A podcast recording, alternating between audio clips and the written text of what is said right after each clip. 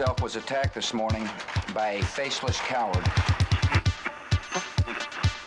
To have had the opportunity to serve the country I love.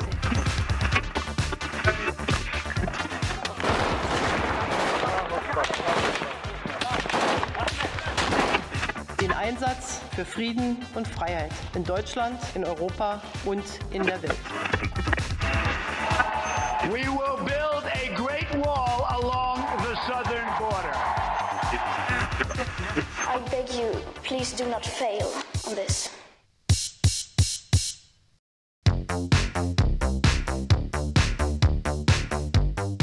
Góðan dag kæru hlustendur, þið eruð að hlusta á heimskviður. Ég heiti Guðmundur Björn Þorbjörnsson. Og ég heiti Birta Björnsdóttir. Í heimskviðum er fjallað um það sem gerist ekki á Íslandi.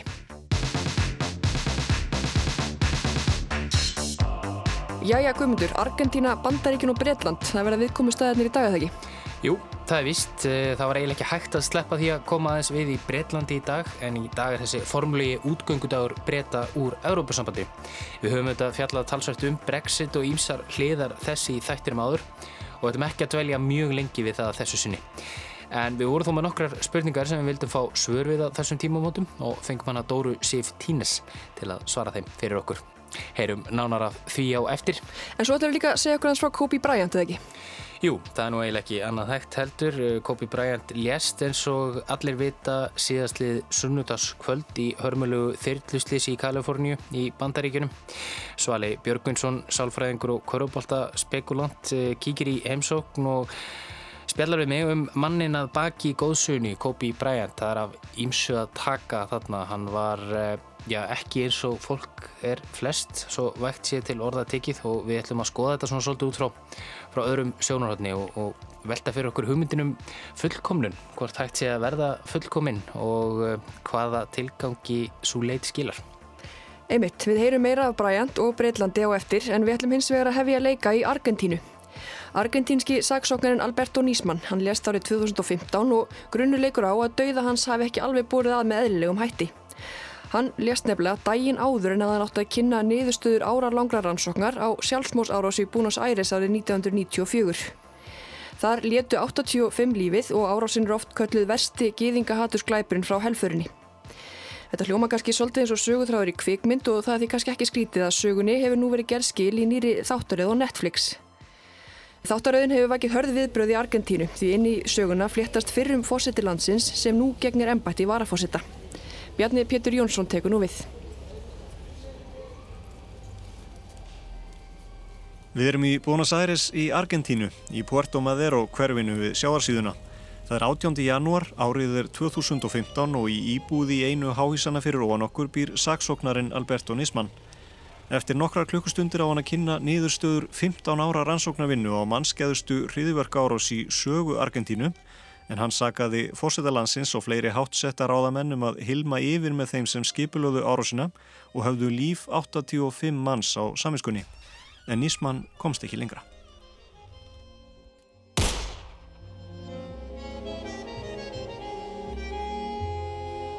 Nisman átt að koma fyrir þingnefndu morgunin með niðurstöður ansóknar sinnar á sjálfsmórs árás í Buenos Aires árið 1994 en dauði hans átt eftir að hafa mikil áhrif á stjórnvöld og tiltrú almennings á argentínska réttakerfið.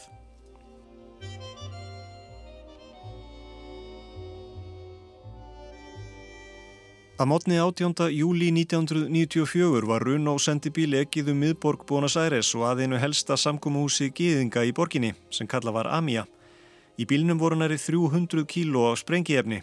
Byggingin sem hýsti starfseminna var fimm hæðir Naukumadurinn óg runónuminn á neðstu hæð húsins og sprengti hann í loft upp.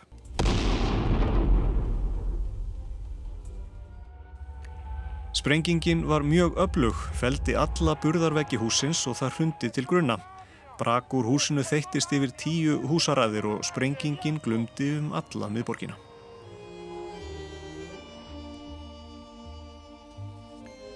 ...85 létu lífið og fjórða hundrað slösuðust. Árásinn er næst mannskeiðasta hriðverka árás á vestur kveli jarðar en aðeins árásinn á tvíbaraturnana 2001 var mannskeiðari. Flestir létu lífið í sjálfri sprengingunni sem allir skemmtum á nálagum húsum. Yngsta fórnalampið, fimm ára drengur Sebastián Barrero liti móður sína fyrir framann húsið þegar sprengingin varð en maðgininn dóu samstundis í sprengingunni. Týjir tróðust undir brakinu og það tókst ekki að byrja kjensla á alla fyrir enn 2016, meira enn 20 árum síðar en þá var fyrst tilkynnt að þið 19 ára Augusto Daniel Jesus hefði verið meðal þeirra sem léttu lífið í sprengingunni. En hvers vegna eftir 26 ár og mikla rannsóknarvinnu sem hefur skilað þremur viðamiklum skýslum hefur engin verið svo mikið sem handtekinn, hvað þá réttaði yfir eða verið dæmdur? Undir fylking Hesbóla-samtakana í Líbanon lísti fljótlega ábyrð á árásinni og í skýslunum þremur sem fjallaða stórum hluta um þátt Hesbóla eru fjölmarkir nefndir á nafn, grunaður um að standa að skipulagningu voðaverksins en enginn þeirra, korki liðsmenn Hesbóla nýja Íranar sem líklega er að minnstakosti kvatamenn að árásinni, hefur verið handekinn.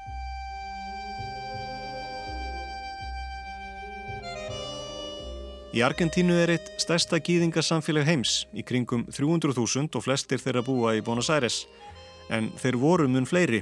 Margir gýðingar flýðu ofsóknir nazista í Evrópu um í það síðustu öld og þá fjölgaði hratt í þeirra hópu í Argentínu. En Juan Perón, fórseti landsins, var einn fárar sem virtist hafa samúð með nazistum og þangað komu trúlega nokkur hundruð nazistar eftir stríð og margir dvöldu þar til döða dags. Perón var steift af stóli 1955 og herfóringastjórn tók við en í hennar stjórnartíð og áratugina þar og eftir fór gýðingahattur vaksandi. Gýðingahattur var bannað með lögum í byrjun tíund áratugarins en eftir það rak hver harmleikurinn annan. 29 fjallu í hriðverka árás á Ísraelska sendiráðið í Buenos Aires árið 1992 og Ami árásinn stuttu síðan 1994. Á þeim tíma virðist það að veri skipulögð árásar herrferð gegn gýðingum um allan heim. Degi eftir Amíja árásina var gerð sjálfsmós árásum borði í farþegavél frá Panama sem var til þess að 21 farþegi létt lífið, þar af 12 gýðingar.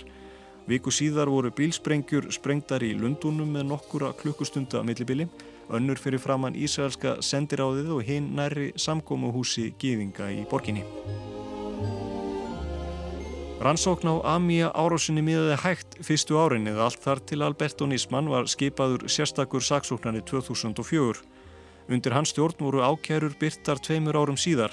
Yfirvöld í Íran væri grunuð um að hafa skipulagt árásina og fengið liðsmenn Hezbollah til að framkvæmana. En samtökin voru lengi stutt af írönskum embætismönnum sem útvöðu þeim fjármagn og pólitíska greiða. Gefnar voru út handtökurskipanir á vegum alþjóðalöruglunar Interpol á hendur sex mönnum sem flestir eru Íranar. Í gögnum Nismans kom fram að yfirvöldi Íran hefðu lagt áherslu á að koma höggi á Argentínu eftir að Argentínumenn sögðu sig frá kjarnorkusamningi við Íran en hann miðaði að þróun kjarnorkutækni og vinslu sem skipti Írana miklu á þessum tíma.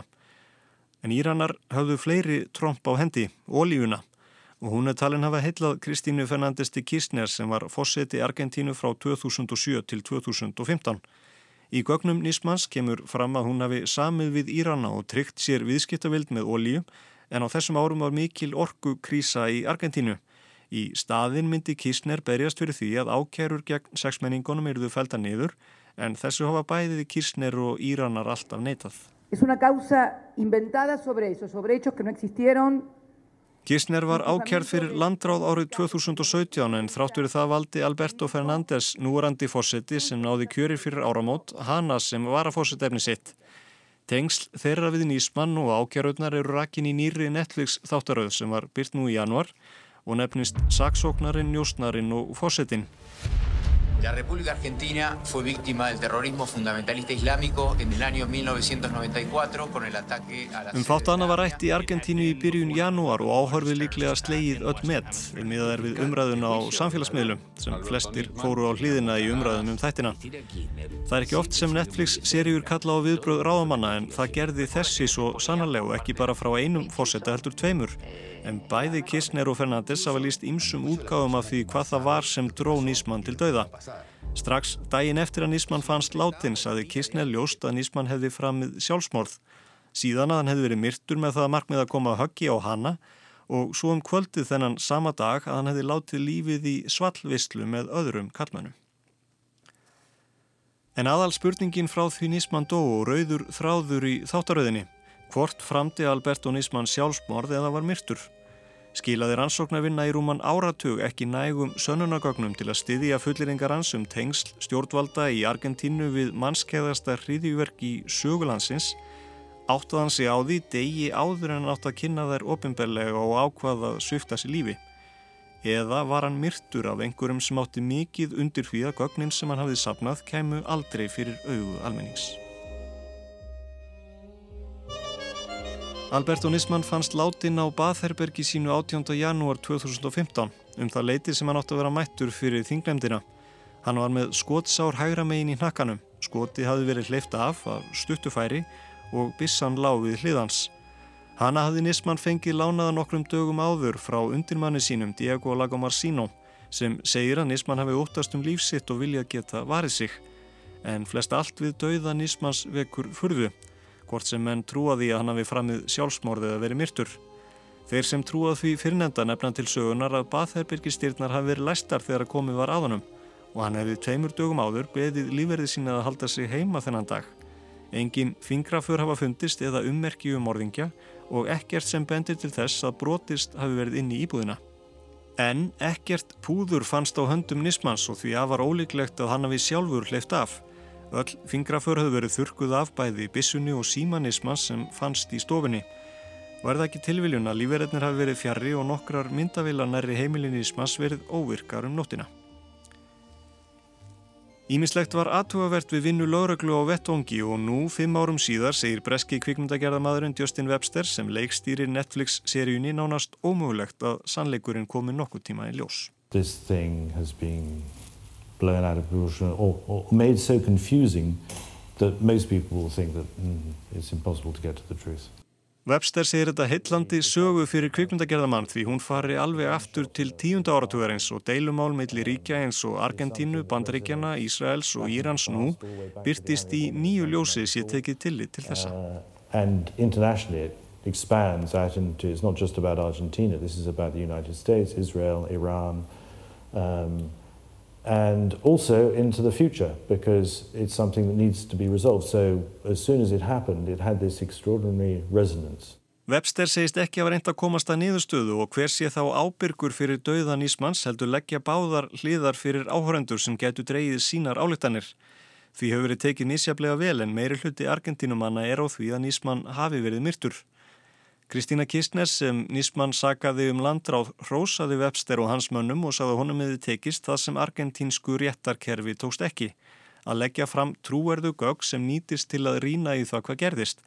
En Kistner er enn þeirrar skoðunar að málið í heilds í eitt stórt samsæri fjölmiðla og bæði argentínskra og alþjóðleira leinithjónustustofnana til að koma höggi á hana. En Kistner vinur nú á því með aðstóð Fernandes fórsetta að öðlast fríðhelgi fyrir ákærum um landráð. En Fernandes getur að mörguleiti þakkað Kistner fórsetakjörið í fyrra því þrátt fyrir allt þá nýtur hún enn töluverðra vinsælda í heimalandinu.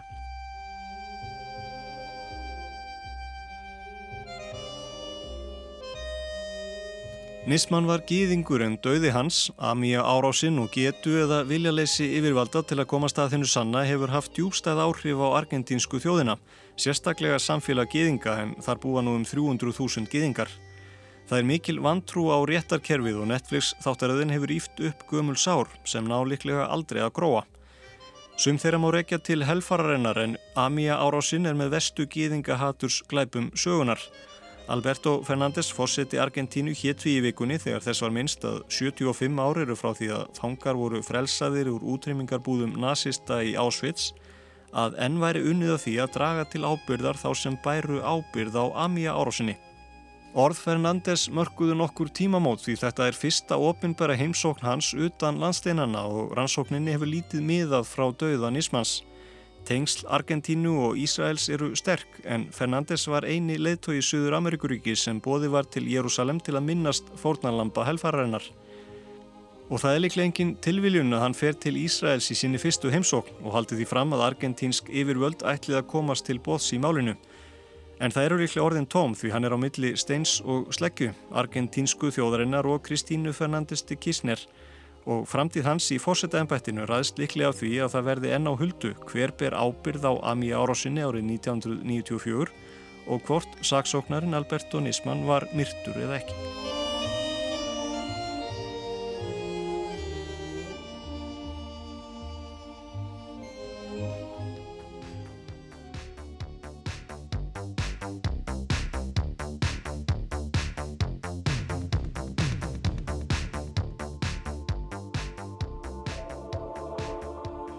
Í dag yfirgefur Breitland Evrópusambandið að minnstakostaða nafninu til þremur og hálfa ári eftir að Brexit var samþygt í þjóðaratkvæðagreyslu. En núna hefst 11 mánuða aðlugunartímbil þar sem brettar eru bundnir aflögum og samþygtum Evrópusambandsins á þess að hafa nokkuð um það að segja. Dóra Sif Tínes, sérfræðingur í Evrópurétti og lögmaður. Getur þú sagt mér aðeins hvað gerist á þessum næstu 11 mánuðum og hvað gerist á þeim liðnum? Það sem að gerist í raun veru núna næst er að e, Evrópusambandið þarf að samþykja sín samningsmarkmið að því að e, samninga e, nefnd Európusambandsins er náttúrulega semja fyrir 27 ríki og síðustu fregnir herrmaður gera ráð fyrir að eiginlega samninga viðrar geti hafist 3. mars. Þannig að það gerist svo sem bara ekkert e, núna strax. Bretar hafi ekki gefið út sín samningsmarkmið og við veitum ekki hvort að þeir muni gefa neitt út um það. Síðan er í raun veru næsta svona formlega er að fyrir fyrsta júli þurfa breytar að taka ákvörunum hvort þeir óski eftir framlengingu á aðlöfnatímbilinu en það er síðastarlega hægt að mæla fyrir um það fyrsta júli þannig að segjum júni þurfa þeir að gera, gera það upp í sig en það er svona frekar ólíklegt af því að e, nú hafa við bara setta inn í útgöngu lögin að það verði engin frekari framlenging á á þessum fresti og þetta er líka, það verður svo skammur tími liðin frá því þeir hefði að eiginlega samningavirðar að e, svona pólitist hugsið að verður mjög flóki fyrir Breskuríkstjórnuna að snúa einhvern veginn við í þeim efnum. Þannig verður að tala um framlíkingu á aðlöfna tímbilinu, já.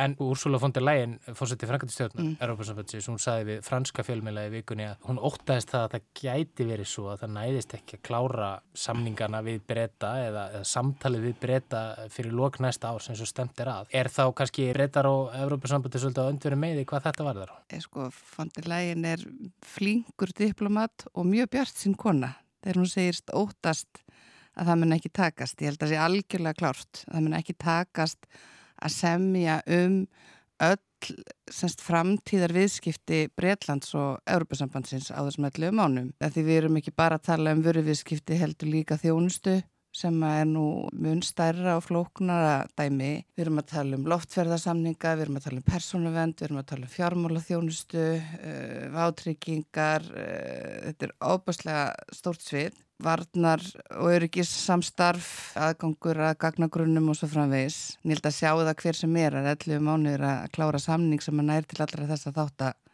það er frekar ólíklegt. Það er einmitt kannski frívæslunar samningur sem við erum alltaf að horfa til en, en það er alls ekki aðalmálið. E, nei sko, það er nefnilega mjög áhugavert í Breitlandi hefur umræðan verið mjög djúb í sem sagt vöru viðskiptunum og það verður miklar yflýsingar um að við munum krefjast aðgangs án totla, án kvóta, uh, fullan aðgang á innrimarkanum eins og ekkert hefur breyst. En það hefur alltaf verið bara rætt um vörur í því sambandi. En þjónustu viðskipti er ekkert síður mikilvæg fyrir breska nefnahag. Það var núna í, í síðustu viku sem að fondarlegin og og Charles Michel fósetti leittóra ás Európa-sambandsins undirreitu samningin og núna á miðvíkudaginn var hann svo staðfustur á Európu-þinginu. Von der Leyen sagði að þetta myndi óhegkomilega hafa breytingar í förmessér. Eh, það er við þó áfram vináttamilli Európa-sambandsins og Breitlands en það væri núna hefjast nýr kapli í þeirra samskiptum. Hvaða áhrif mun Brexit koma til með að hafa á Európa-sambandið aðalega? Ég held að þau áhrif hafi verið minni heldur en að menn ætluðu upphafi og ég held að þau áhrif séu að mestuleitu komin fram. Það er að segja það sem að kannski var í umræðinni eftir þjóðratkvæðgreðsluna var breyta voru nokkuð kókristir, það er nú ekkert mál fyrir þá að semja um framtíðar samskipti við örbjörnsambandi, þeir myndu bara setjast niður með Þískalandi og Fraklandi og klára máli og Þískaland og Frakland myndu svo bara að greiða þetta innan sambandsins og það sem að náttúrulega þessi sviðsmynd passar ekki við er að örbjörnsambandið er ríkja samband og þar hafa allir rött og ég held að breytar hefur líka til dæmis ekki reikna með því að það er því staðið svona þjættu bakið á Írum eins og raunbarvitni þannig að ég eh, sé engin stórkostlega áhrif að Evropasambandið til viðbótar við það sem hefur gerst vegna útgöngunar. Ef einhvað er þá finnst manni eins og menn hafi kannski heldur þétt raðirnar, heldur en hitt. En auðvitað náttúrulega getur maður ekki litið fram hjá því að kannski til dæmis hafa menn sínt meiri linnkind gagvart til dæmis ákunum vandarmálum í Pólandi, Ungurland og fleiri stöðum að því að menn vil ekki rugga bátnum frekar og menn vil ekki fara að lenda í sagt, fleiri mm. útgöngusamningum. Það er einmitt náttúrulega málið því að náttúrulega eðlumálsins sangat þá vill Európa-sambandið ekki að, að ríki yfirgefi sambandið og þá er kannski verðt að spyrja, er einhver hætta á því núna þegar búið er að gefa fordæmi fyrir því að ríki yfirgefi sambandið að, að fleiri fylgi í kjölfarið og er það ekki rétt skili hjá mér og fórstu fólk Europasambandsins, ég hafi svona verið mjög hart í sínu samninga verið við breyta emmi til þess að koma í veg fyrir slíkt og sína að þetta er ekki eitthvað sem er í bóði allavega ekki nema að fara mjög erfið að harða leið til þess. Það segir breska pressan. Ég held að veruleikin sín og aðeins eh, flóknari.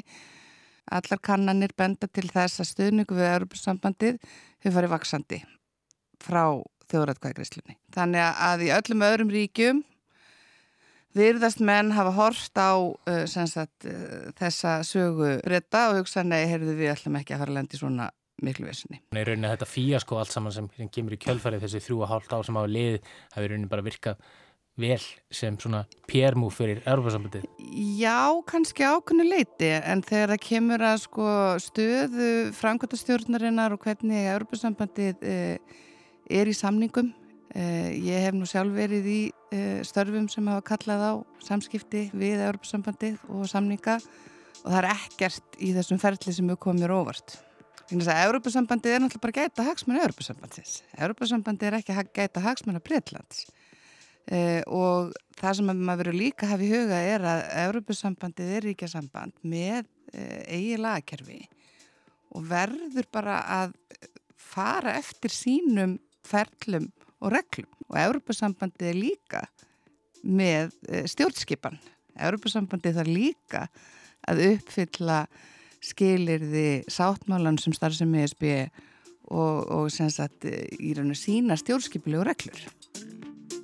Þú talar um aðan að það er kannski komið breytum eða breskan stjórnvöldum að það er svo óvart hversu harðir eh, eða hversu hardt Európa-sambandi hefur verið í afstöðsninga hvert landamærunum á milli Írlands og Norður Írlands e, eða baklínan svo kallega eða baktryggingin eins og stundu nefn hver var, hver var lendingin? Lendingin var svo að ríkistjórn Boris Johnson gaf eftir sagði ok, þá verðum við bara með landamæri og tollalandamæri á milli Norður Írlands og Írlands. Og það er náttúrulega, það er stóra breytningin þetta er því sem mei var búin að segja að það myndi aldrei nokkuð tíma geta gest að það yrði einhvers konar uh, tollafgreðsla könnun á vörum og svo framvegis á milli Írlands og Norður Írlands. En arftæki hennar snýri því við og sagði bara ok. Þó að hann reyndar hefði haldið fram að þessar skoðanir verði hverfandi. En þá er samt það fælst í samningnum. Það að Jónsson og Ríkistöndun hans hafi þurft að gefa eftir þarna náttúrulega svíður en engar síður þá verðist hann vera loksins að fá sínu framgeng núna. En hvað annað er það í þessum samningi og þessari útgöngu núna sem að, sem að kemur til með að svíða mest að hálfu brexit sinna og hálfu íhaldsflokksins. Ég held að þeir hefur nú svo sem fengið flestu fram e, semst brexit sinnar. Ég held að það sé nú frekar hjá þeim sem eru samband sinnar og vildu vera áfram í sambandinu eða vildu semst mýgri lendingu Ég held að þeir hafi meiri áökjur þannig að eins og stanir dag þá verður Ríkistjórn Boris Jónsson fengið flest uh, sitt fram. En hvað þýðingu kemur úrganga breyta ára Európa-samvættinu til með að hafa fyrir fólk frá ríkjum Európa-samvættinu sem býr í Breitlandi? Eh, nú greindi Guardian frá því í vikunni að 90% íbúa frá ríkjum Európa-samvættinu sem býr í Breitlandi vilja helst frá skýrtinni, einhvers konar staðfestingu og stöðusni í landinu eh, þannig að það getur veifað, veifað þeim framann í stjórnvöld, bankakerfið og aðra til þess að sanna stöðu sína fremur en að slíkt sé gert til dæmis á rafrænuformi það hljóma næstu eins og einhver svona hysteria en, en, en er kannski einhver ástæða fyrir þau að óttast?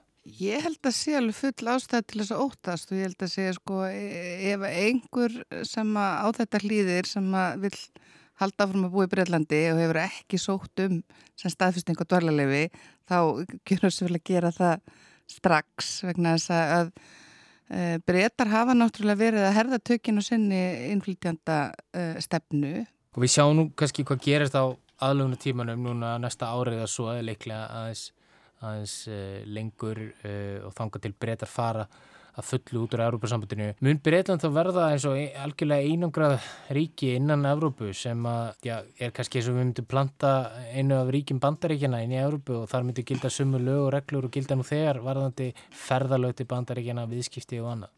Ég held að verði ekki kannski svo drastist en ég held að Breitland verði kannski svolítið eins og segja, fyrir, fyrir þessa hagsmunni verri útgáðana sviss ok, breytar eru náttúrulega ekki í sengen uh, eh, í dag þannig að það svo sem breytist ekki varðandi landamær eftir lit og annað. En þú veist það verður bara svona allt þingra í vöfum.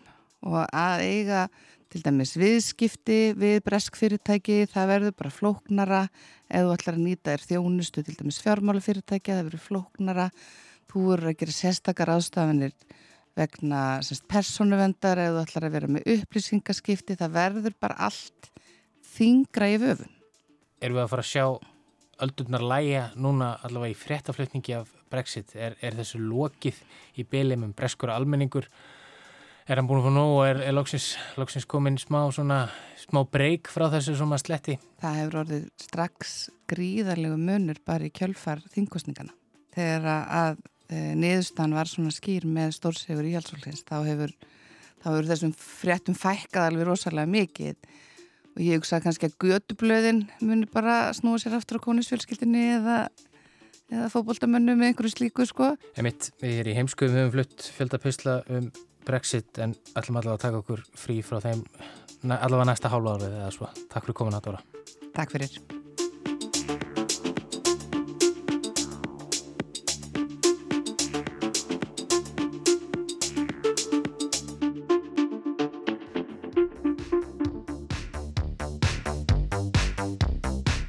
Og í þessu brexit hlið á nú að ímsu öðru að huga. Einn besti körubóltamaður allra tíma, Kobe Bryant, lést á sunnundaskvöld aðeins 41 ás. En hver var Kobe Bryant og hver verður arfleð hans? Guðmundur Björn tekur nú við. Love me or hate me. It's one or the other. Always has been. Elskaðu mig eða hataðu mig. Það verður alltaf verið þannig. Annarkort af þessu tvennu. Hate my game, my swagger hate my fade away my hunger Hataða hvernig ég spila stælana í mér og töffaraskapin stökkskotið mitt, hungrið, reynsluna og mestaratillana Hate that I'm a veteran a champion Þannig mælir Kobe heitinn Bryant í auglýsingu fyrir Nike sem kom út fyrir nokkrum árum. Löður sveittur í æfingasalunum, innbeittur, elskaði mig eða hataði mig. Af orðum Kópís og svipað dæma má gera ráð fyrir því að hatrið sé kærleikanum yfirstarkara. Að minnstakosti að hans mati. Það er eins og hann nærist á því. Hataði mig, segir hann. Hataði mig af öllu hjarta. Hate that. Hate it with all your heart og svo framvegis, en af hverju, af hverju eigum við að hata þig, kæri Kópi? Jú, vegna þess að því þér byrtist okkur lifandi fyrir hugskottsjónum, okkar eigin skortur, okkar eigin vanmáttur, en sé það ekki nóg til þess að hata þig, þá er bara eitt annað í stöðinni, að elska þig.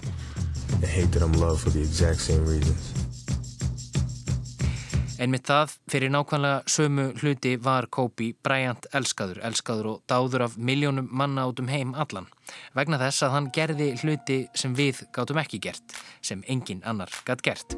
Kobe Bryant lést síðasta sunnutas kvöld í hörmulegu þyrluslis í Calabasas í Kaliforníu. Með honum í þyrlunni voru átta aðrir, þar á meðal 13 ára dóttir hans, Gianna. Þau dóu öll. Íþróttaheimurinn sirkir stjórnmálamenn, tónlistafólk, leikarar, nefndu það. Og við slíka harma fregner verðt að staldra við og spyrja hvers vegna er Kobe Bryant miðbúntur alheimsins nú þegar hann hefur skilið við. Hann var ekki venjulegur íþróttamaður eða venjulegur maður ef út í þaður farið. Í linnu lausiri leitsinni að fullkomnun rakst Kobe Bryant nefnilega á veggi. Og já, hann var sannarlega hataður en elskaður sömu leiðis. Kobe Bryant, maðurinn sem lagði upp í hérna vanþakklátu og fánýtu leit að fullkomnun í þessum heimi. Kobe Bryant fættist árið 1978 og var á færtugast og öðru aldursári þegar hann lést. Hann ólst upp á Ítalíu þar sem fadir hans, Joe Bryant, spilaði sem atvinnumadur í Körubólta. Snemma var ljóst að Kobe væri hæfileika maður sömu leiðis og svo fór að árið 1996 var þann fyrsti bakvörðurinn til að verða valin beint úr mentaskóla í nýliðavali NBA-deldarinnar. Charlotte Hornets völdu Kobe en skiptu honum sama kvöld yfir til Los Angeles Lakers, ákvörðun sem svíður líklega enn. Í Los Angeles spilaði Kobe í næstu 20 árin, hvorki meira en í minna. Mjög fallegt og sérst í sama liði, þú ert eh, með einhverjum út ekki farin eitt annað, þú stendum í þínu liði á þessu stóra sviði í Los Angeles, mér finnst það mjög falleg saga segir Svali Björgvinsson, sálfræðingur og einn okkar helsti sérfræðingur um korubólta. Svali fylgdist með Kobi allt frá dögum hans í Lower Merion High School. Hann hefur líst hundruðum leikja með Kobi og helt áfram að fylgjast með honum eftir að ferlinum laug. Og svo á sunnudaginn heyriði hann fréttinnar. Ég verð nú bara að vera reynskilna. Mér var bara sárlega brúðið. Ég og Svali deilum þessum viðbröðum og kannski þú líka kæri hlustandi þegar við heyrðum þá harmafregnað Kobe Bryant hefði dáið. Við vissum öll hver Kobe var þótt við fylgdumst kannski ekki öll með korfubólta. Um feril hans er óþarfað fjölirða. Hann var 5 sinnum NBA-mestari, 18 sinnum valin í stjórnulið deildarinnar, 15 sinnum valin í lið deildarinnar, einu sinni valin mikilvægasti leikmaður deildarinnar og tvísa sinnum mikilvægasti leikmaður úslitað keppninar. Hann er að flestum álitin eitt besti leikmaður sögunar. Hann fór úr því að vera sko bráðefnilegur, ofsalega óheflaði leikmaður uppið að vera einn allra besti köruboltamaður og íþróttamaður sitt í tíma. Það er bara þannig. Sem fyrr segir var Kobe Bryant engin venjulegur köruboltamæður. Hann var einn af þessum örfáu íþróttamönnum sem eru skur ofar en hinnir, einn þeirra sem spiluð á öðru stíi en aðrir. Og ekki aðeins getu stíi heldur líka á hinnum stígunum, þessu sálfræðilega, andlega og jafnvel yfir skilvillega. Því það var ekki síst andlegi þátturinn sem innkendi leik Kobe's. Það sem einnkenni kannski Kobe Bryant öðrum fremur og það sem margir dástanum er þessi ofsalega laungun til að sigra og hann virðist að hafa gert í rauninni allt bæði lagði á sig ótrúlega mikið til að sigra og metnaður og styrkur til að sigra og, og fara henni lengra heldur en aðri gerðu bæði æfa sjálfa sig í að keira eða vinna sig gegnum með, meðsli ítrekkað til þess að sigra.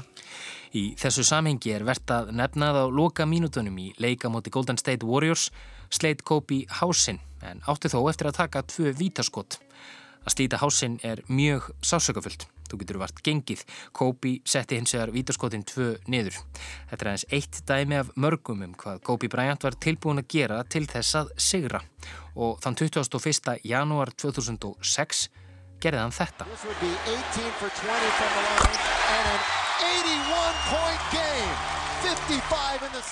Kobe skoraði 81 stig í leik gegn Toronto Raptors. Ég endur tek 81 stig. Ég lísti þeim leik og það var hérna, það er bara fála skori 81 stig í körubólta er á ekki verið hægt, það er ekki hægt. Sem er næst mest flesti stíafluti sem hefur verið skoraður í leik, þá sá ég fyrir mér að þessi leikmaður að við erum að skrifa einhverja góðsög sem sko badnaböld, badnabadna minna að koma til að tala um, þetta er þannig leikmaður.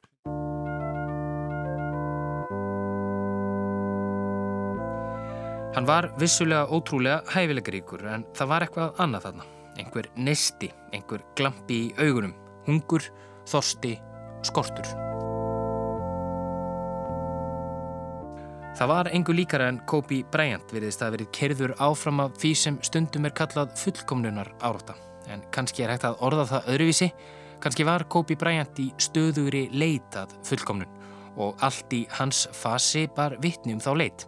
Hann vissi nákvæmlega hvað hann þyrti að gera til að sigra Það þurfti að vera betri, betri í dag en í gær og enn betri á morgun.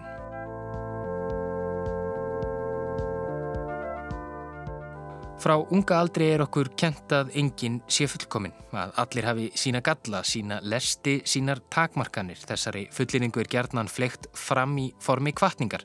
Þú ert ekki fullkominn, þú munt gera mistök alveg eins og við hinn. En það er allt í lægi. Það er í sjálfu sér holl áminning og er hún í þokkabót sönn.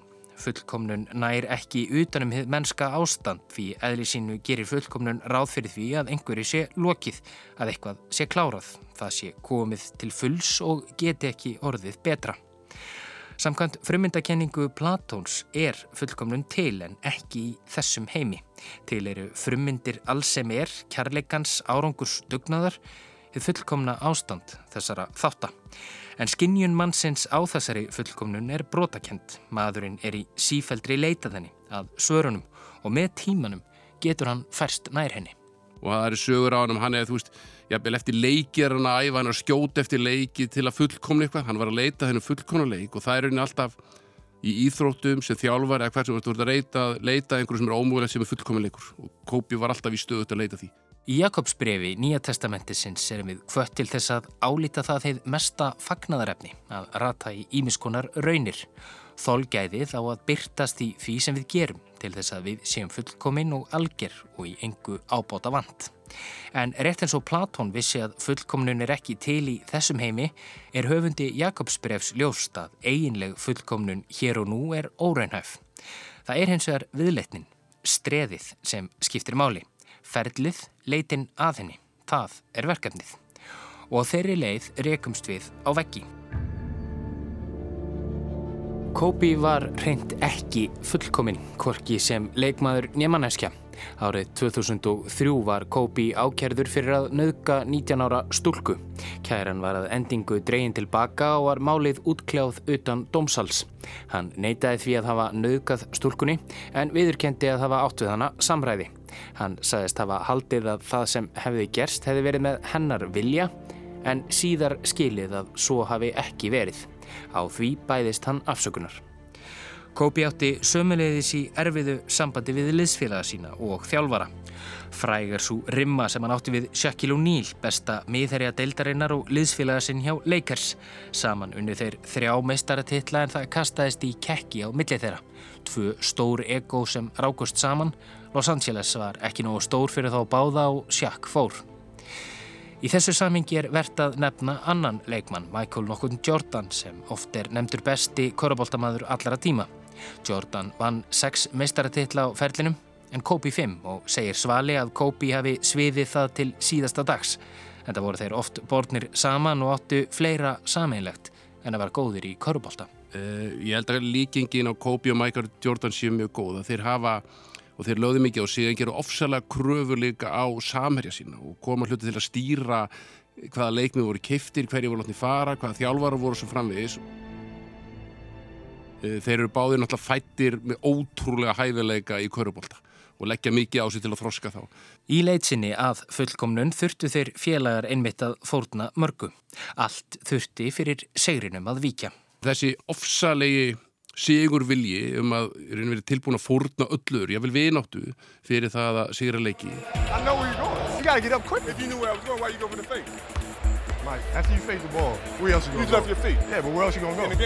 Báðir eru sögur um að þeir hafi verið erfiðir og jáfnvel óþólandi á köplum við samherja vegna þess að kröfur sem gerða samherja við venjulegt fólk eða venjulegra fólk að fólk stóði ekki undir þeim væntingu sem mann setti. Um, ég reynir bara stjórnlaus að metna fyrir fyrir árangri sem er ofsal áhugavert út af þeim fræðum sem ég hef mikinn áhuga sem er sálfræði.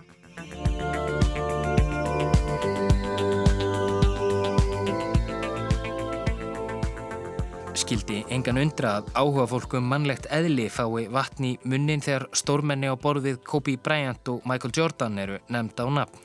Það er nefnileg ekki sjálfsagt mála komast heil í gegnum svona feril. Ekki aðeins líkamlega heldur einnig andlega. Á hverju kvöldi er barið á þér, á hverju kvöldi einsetja andstæðingar þínir sér það eitt að stöða þig. Og þú vilt vinna alltaf, þú vilt verða fullkominn og svo einn daginn er þetta bara búið.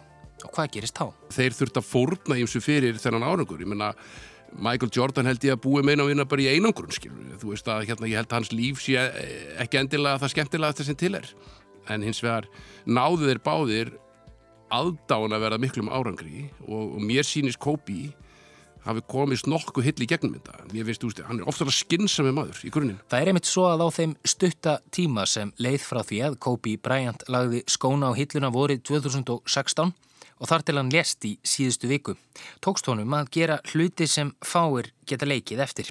Á sinn einstaka hátt kvatti hann stóra sviðið með ljóði sem hann nefndi kæri Körubolti. Þar á hjartnarmann hátt líkir hann sambandi sínu við Köruboltas við ástarsamband sem komið er að leiðarlokum. My heart can take the pounding. My mind can handle the grind. Hjartað mitt þólir höggin, hugur minn streytið en líka með minn veit að hverjustundin er runinu. I'm ready to let you go. Þarna heyrðum við Kóbi lesa brotur ljóði sínu og Erik Guðmundsson lesa íslenska þýðingu Bergsteins Sigurssonar og Guðrúnar Sólegar geststóttur á þessu ljóði frá 2016. Eirikur komst að þeirri niðurstöðu að Kóbi hefði verið móternisti og móternistin Kóbi let ekki staðar numið þar, hann framleiti teiknaða stuttmynd undir lestri sínum á ljóðinu og hún vann Óskarsvelun auðvitað. Mér fannst að spila mjög vel úr sínum spilum hvernig hann hætti. Auðvitað er þetta svolítið tákar, hann hættir með ljóði, hann gefur út þetta stuttmynd sem margir held að myndi ekki ganga en fær Óskarsvelunin eftir hann glæsilega feril Sömuleiðis var Kóbi áberandi og ötull baróttumadur fyrir aukinni umfjöllun og umgjörði kringum íþróttir barna og hvenna. Já, hann har komið afskipti af, af körfubólta yngri aðila, hvetning uh, til hvenna, NBA-dildarinnar, körfubólta hvenna er að hvetja það áfram og er orðin talsmaði þeirra og tala með öðrum hætti heldur menniði gert aðrir sem margir með hverjum er hróka og yfirgang. Hann gerir það feikila vel að tala í viðtalið um að að það var, var spurður sem sérðu fyrir einhverjar stelpur séu tilbúin að spilja í NBA hann segir ég sé tvær þegar núna sem gætu það nú þegar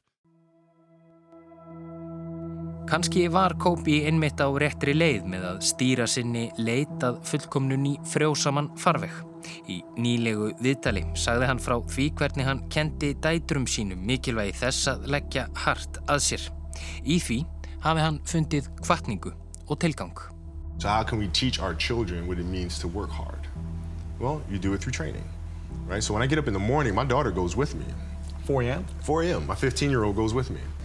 Through that process, she understands the value of hard work and things taking time. And the same thing with my 12-year-old, right? She practices every day, right? And so it's through those behaviors uh, um, is where I find the motivation to mm. do it. Kobe Bryant er dáinn og kemur ekki aftur, ekki heldur dóttir hans Gianna sem þótti með eindæmum efnilegi korubólta, ekki heldur hinnir sjö sem fórust í þyrtluslýsinu síðasta sunnudag, en minna er um talað. En það sem eftir stendur er arfleiðin og þótt að sé kannski ekki viðegandi að varpa upp slíkum vangaveltum um fólk sem er nýlátið, má velta fyrir sér hvort sviplegur döiði Kobís komi til með að hafa áhrif á arfleið hans og hvernig hans verður minnst. Ég held það. Ég held að hann fer með svo ofsalega sviblu um hætti. Hann er 41 árs gammal og í þýrtluslýsi sem er bara eh, sorglegra heldur en bara tálum tekur. Dóttir hans fer með á hann og fleira ungt fólk. Að ég held að hann verði e, núna góðsög, jáfnvel enn meiri heldur en, heldur en hefði orðið annars. Ég held það. En hvað allri arfleið líður þá stendur eftir sá blákaldi veruleiki að fólk er dáið, fólk sem einhverjir þekktu persónulega og elskuðu. Sálfræðingurinn í Herberginu telur að lærdóm sé hægt að draga af sviplegum atbyrðum sem þessum sem hafa áhrif á heimsbyðina alla. Og maður fyrir hugsa vonandi að þetta fólk núna sem er að, minna skópmið svona fallum og öðrum og þekktan persónulega hafi sagt að við hann þegar hann var lífandi um þessa væntum þykju og þessa ást sem það ber til hans og þá virðingu sem það ber til hans. Vera góður hvort hann. Við vitum ekki eh, hvernig þetta snýr, bæði okkar sjálfsvegna og líka að, að það er goða fólk sem okkur þykja væntum að, að rósaði með um tækjaverð til þess. Og um kærleikan virtist Kobi emitt vita eitt og annað. Í upphafi þessa pistils heyrðu Kobi Bryant flytja nokkur skonar óð til hatursins. Þar verðist hatrið leika líki hlutverk í sjálfsmynd afreiksmannsins í linnulausu streði hans í átt til fullkomnunar. En batnandi mönnum er best að lifa, segir Máltækið og rétt eins og Kobi virðist hafa spilað ágætlegur sínum spilum eftir að ferlinum laug virtist afstæða hans til fullkomnunar annarsvegar og kærleikans hinsvegar hafa snúist við. Í áður nefndu viðtali kemur hann einmitt inn á það að hlutinir eru aldrei fullkomnir en í gegnum kærleikan sem vonar allt og umber allt geti maðurinn yfirstíð þær hindranir sem verða á vegi hans. But through love you continue to persevere and you mm. move through them, you move through them, and then through that storm, beautiful sun emerges. Yeah. Right. And inevitably another storm comes, and guess what? You ride that one out too. Yeah. So I think love is a certain determination and persistence to go through the good times and the bad times with the someone or something uh, that you truly love. Og kannski er það einmitt í kærleikanum sem við komumst næst fullkomnun. Þeirri fullkomnun sem Kobi leitaði að allan sinn feril. Lærdómurinn er að endingu einfaldur. Leiðu harta þér og gerðu þá kröfum að aðrir gerir slíktið sama. Þá getur við skilið lífspeiki Kobi Bryants tannig að hatrið, þetta óþægilega og erfiða hugtak, sé raunaðist tákmynd fyrir þá kvartningu sem maðurinn þarf í baróttunni við eigin takmarkanir. Liðsmaður í baróttunni við lífið sjálft. You love me. You love me because I'm Kobe. Because I'm a five-time champion. Because I'm one of the greatest to step on the court. But you shouldn't. You should hate me. Hate me. Because I gave you 4 a.m. Because I pushed you no one else would. Hate me. Because I demanded greatness. And greatness demands everything.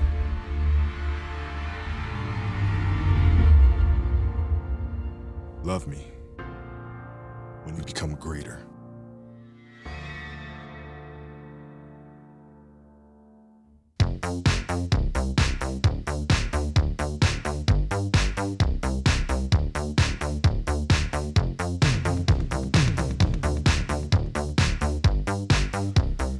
Heimskviður verð ekki fleiri þessa vikuna. Þátturinn er aðgengilegur á öllum helstu hlaðvarpsveitum, til dæmis Spotify, iTunes og öllum hinnum. Og svo er líka hægt að hlusta á þáttin í RÚV appinu eða í spilarnum á RÚV.is. Og þeirri ágættu síðu er einnig hægt að lesa ítalegar fréttaskýringar um efni þáttarins. Og svo minnum við á netfang þáttarins heimskviður.rúf.is. Við viljum endilega heyra frá ykkur kæra hlustundur og hvað þið viljið að við fjöllum um í þessum þætti. Akkurat, en í byli þá þökkum við þeim sem hlýtu og heyrumst í næstu viku.